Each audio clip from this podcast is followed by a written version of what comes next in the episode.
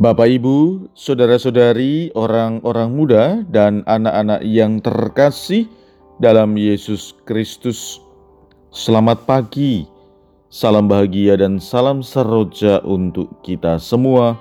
Berkah dalam. Bersama dengan saya, Romo Antonius Garbito Pambuaji, menyampaikan salam dan berkat Allah yang Maha Kuasa. Dalam nama Bapa dan Putra dan Roh Kudus. Amin. Hari ini Jumat 30 Juli dalam hari biasa pekan biasa ke-17.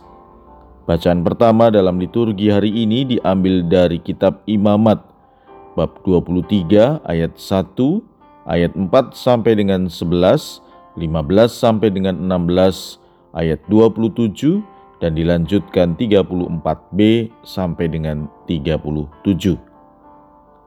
Bacaan Injil diambil dari Injil Matius bab 13 ayat 54 sampai dengan 58. Pada suatu hari, Yesus kembali ke tempat asalnya. Di sana ia mengajar orang di rumah ibadat mereka. Orang-orang takjub dan berkata, dari mana diperolehnya hikmat itu? Bukankah dia itu anak tukang kayu? Bukankah ibunya bernama Maria dan saudara-saudaranya Yakobus, Yusuf, Simon, dan Yudas? Dari mana diperolehnya semuanya itu? Lalu mereka kecewa dan menolak dia. Maka Yesus berkata kepada mereka, seorang nabi dihormati di mana-mana kecuali di tempat asalnya sendiri dan di rumahnya. Karena ketidakpercayaan mereka itu, maka Yesus tidak mengerjakan banyak mujizat di situ. Demikianlah sabda Tuhan. Terpujilah Kristus. Betapa mudahnya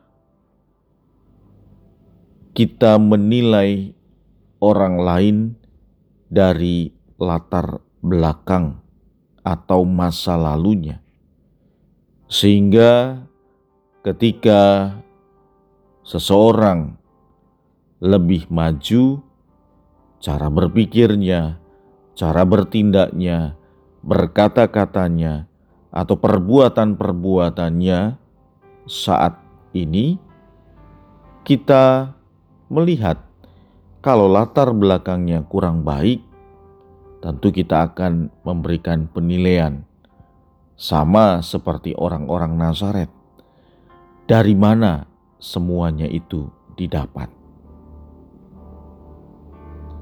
Atau kalau kita sedang memberikan pelayanan, sedang memberikan perbuatan-perbuatan baik kepada sesama, ada orang yang memberikan penilaian buruk terhadap kita, apakah kita tetap melanjutkan misi itu atau sebaliknya berhenti. Hari ini kita mendengar Yesus yang ditolak di tempat asalnya Nazaret. Mereka berkata dengan jelas, "Dari mana diperolehnya hikmat itu dan kuasa untuk mengadakan mujizat itu. Mereka juga mengatakan, "Bukankah ia ini anak tukang kayu? Bukankah ibunya bernama Maria dan saudara-saudaranya, Yakobus, Yusuf, Simon, dan Yudas?" Saudara-saudari yang terkasih, apa yang dibuat oleh Yesus? Ia mengatakan, Seorang nabi dihormati di mana-mana, kecuali di tempat asalnya sendiri dan di rumahnya. Tetapi ia tidak berhenti memberikan pelayanan. Walau dikatakan dalam Injil tidak banyak mujizat diadakannya di situ, tetapi Yesus jelas ia tetap melakukan apa yang menjadi kehendak Bapa dalam hidupnya maka saudara-saudari yang terkasih, ada dua hal yang bisa kita petik dari sabda Tuhan hari ini. Yang pertama, Mari kita senantiasa terbuka pada kehendak Allah. Mari kita senantiasa melihat bahwa Allah bisa bekerja dengan cara apa pun.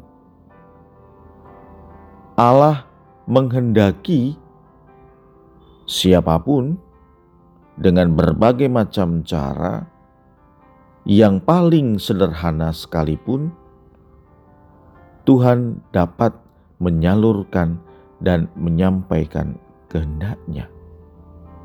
Artinya, kita diajak untuk terbuka.